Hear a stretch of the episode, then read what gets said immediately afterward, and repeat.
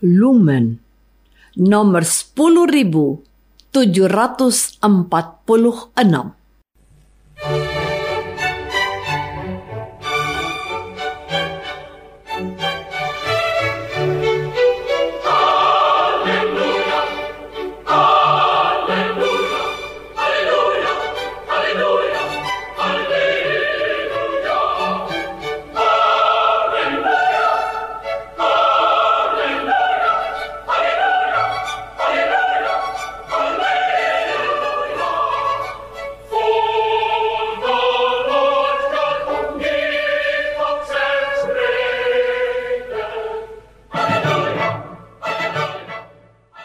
Saudara pendengar di segenap penjuru tanah air, selamat bergabung dengan Lumen Indonesia.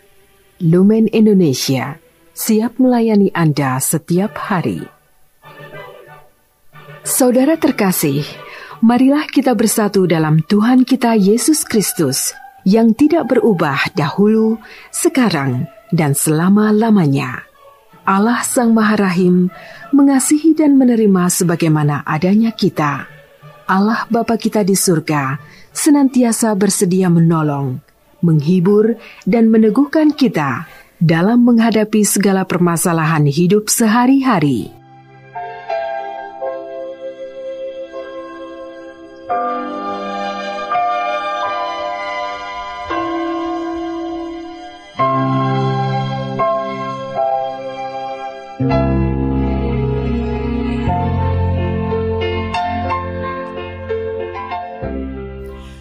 Saudara-saudari, marilah kita mendengarkan renungan dengan judul Menyampaikan Kabar Baik.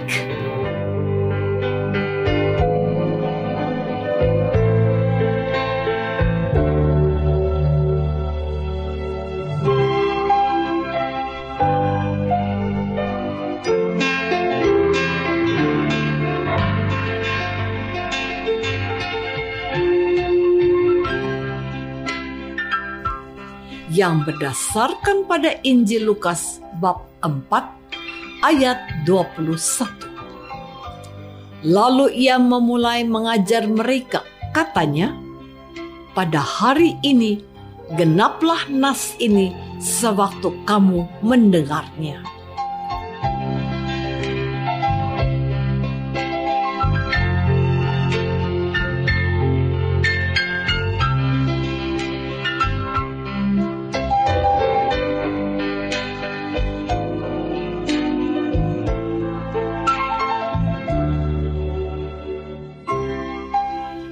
Dalam nama Bapa dan Putra dan Roh Kudus. Amin. Saudara-saudari terkasih dalam nama Tuhan Yesus Kristus. Di kampung halamannya di Nazaret yang di Galilea, Yesus anak Maria dan yang bapaknya adalah seorang tukang kayu itu mendapat giliran dan kesempatan untuk membacakan kitab suci, yaitu kitab Nabi Yesaya.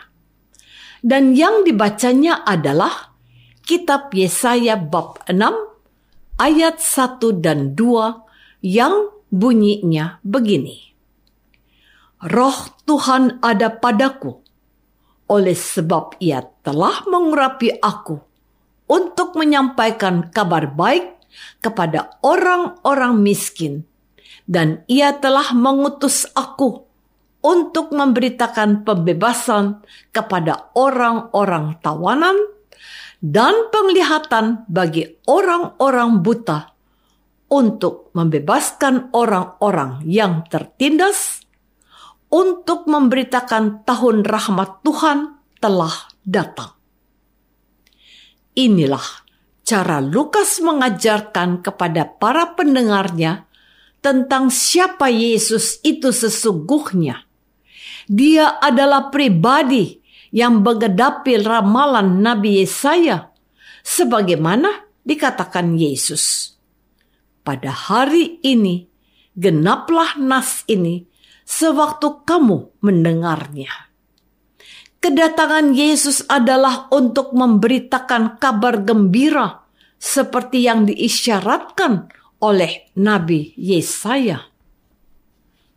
Saudara-saudari terkasih, di hadapan jemaat yang berkumpul di kampung halaman Yesus dibesarkan oleh kedua orang tuanya, ia tampil memperkenalkan dirinya sebagai orang yang dimaksud oleh Nabi Yesaya.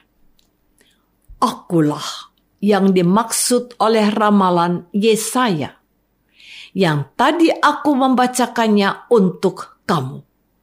Begitulah kira-kira maksud dari pada hari ini genaplah nas ini sewaktu kamu mendengarnya.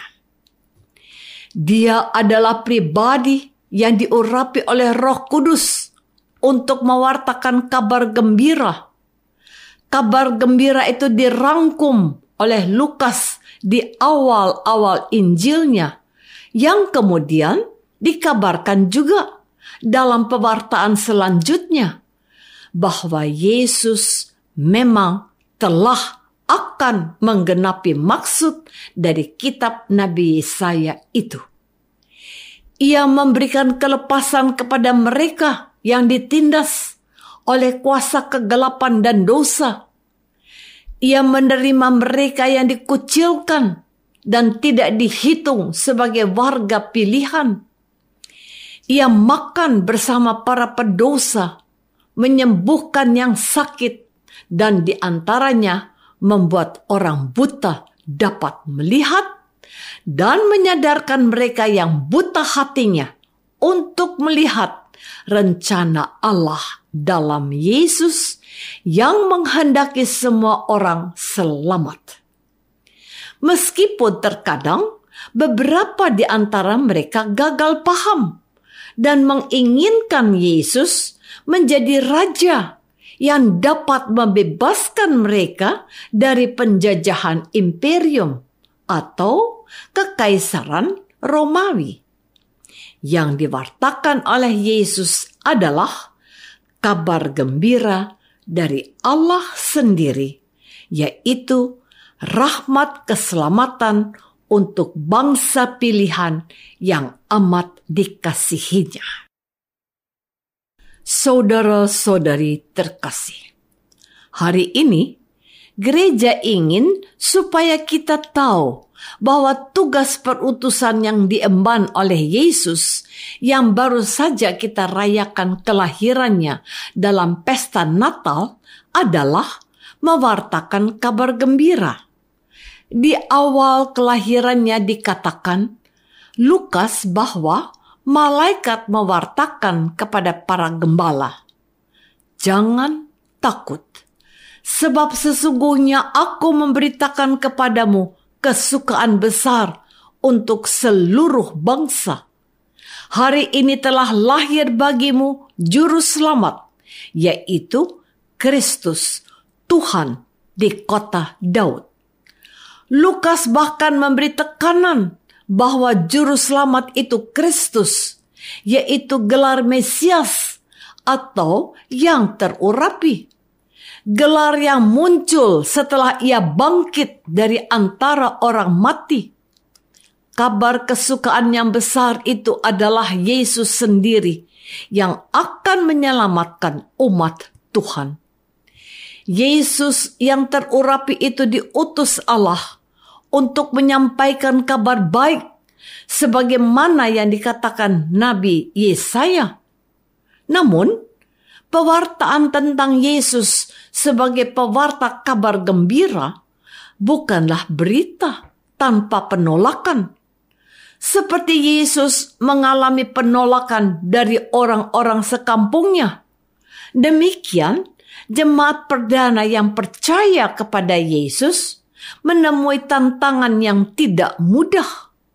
Namun, Lukas menyampaikan hal itu untuk meneguhkan iman jemaat perdana untuk tetap setia dan percaya kepada Yesus Kristus yang lahir di kota Daud. Orang-orang itu berusaha mencelakakan Yesus, menghalau dia dan membawanya ke tebing untuk melemparkan atau membunuh Yesus. Tetapi Yesus berjalan lewat dari tengah-tengah mereka, lalu pergi. Jemaat perdana tidak perlu takut jika mengalami penolakan seperti gurunya. Mereka akan tetap baik-baik saja. Saudara-saudari terkasih, seperti Yesus, jemaat perdana harus berpegang pada maksud perutusan Tuhan Yesus sebagai pembawa kabar gembira. Mereka pun diminta untuk tetap setia menjadi pembawa kabar gembira seperti Tuhan Yesus.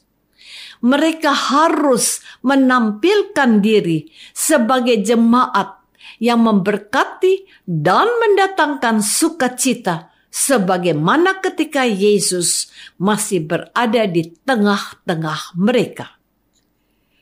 Kita yang hidup di zaman now mendapat tugas perutusan yang sama untuk menampilkan jati diri kita sebagai pengikut Tuhan Yesus yang juga diutus untuk menjadi pewarta kabar gembira.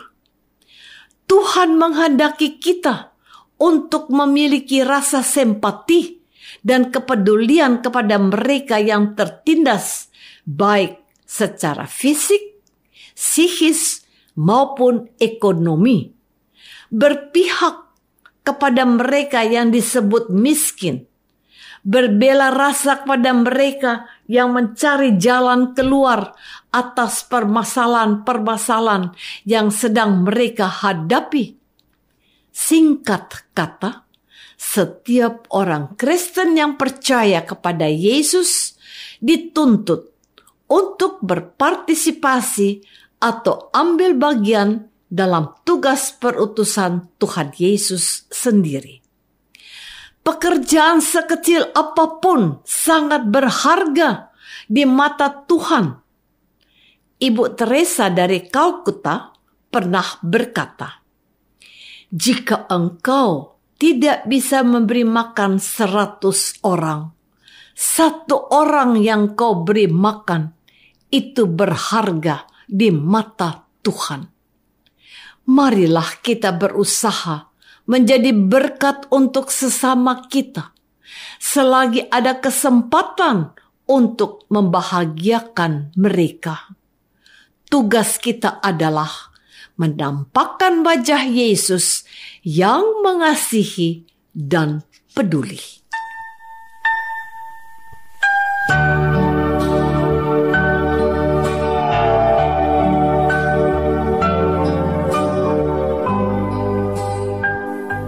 Saudara terkasih, marilah kita masuk dalam saat hening sejenak untuk meresapkan renungan yang baru saja kita dengar bersama dalam kehidupan iman kita masing-masing.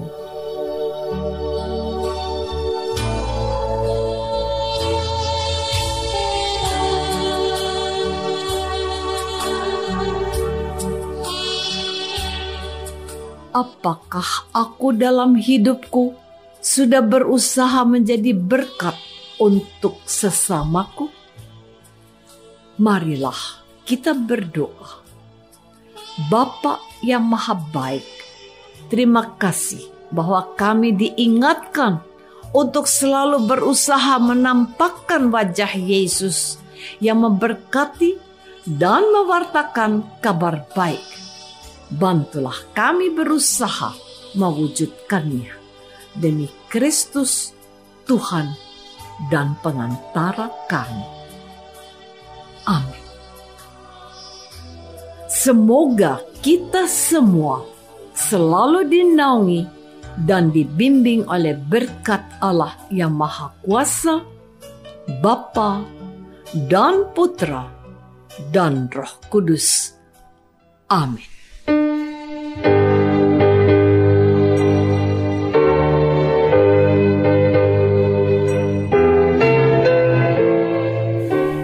Dengan penuh kasih dan sukacita, Lumen Indonesia mengundang saudara-saudara seiman di segenap penjuru tanah air Sekiranya ada tanggapan ataupun saran, kirimkan surat Anda ke Lumen Indonesia.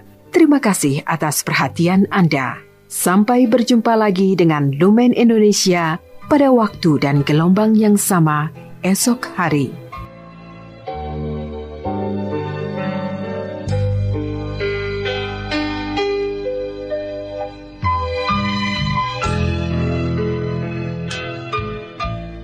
Kami pengurus Lumen Cahaya Indonesia mengucapkan Selamat Natal 2021 dan Selamat Tahun Baru 2022. Tuhan memberkati kita semua.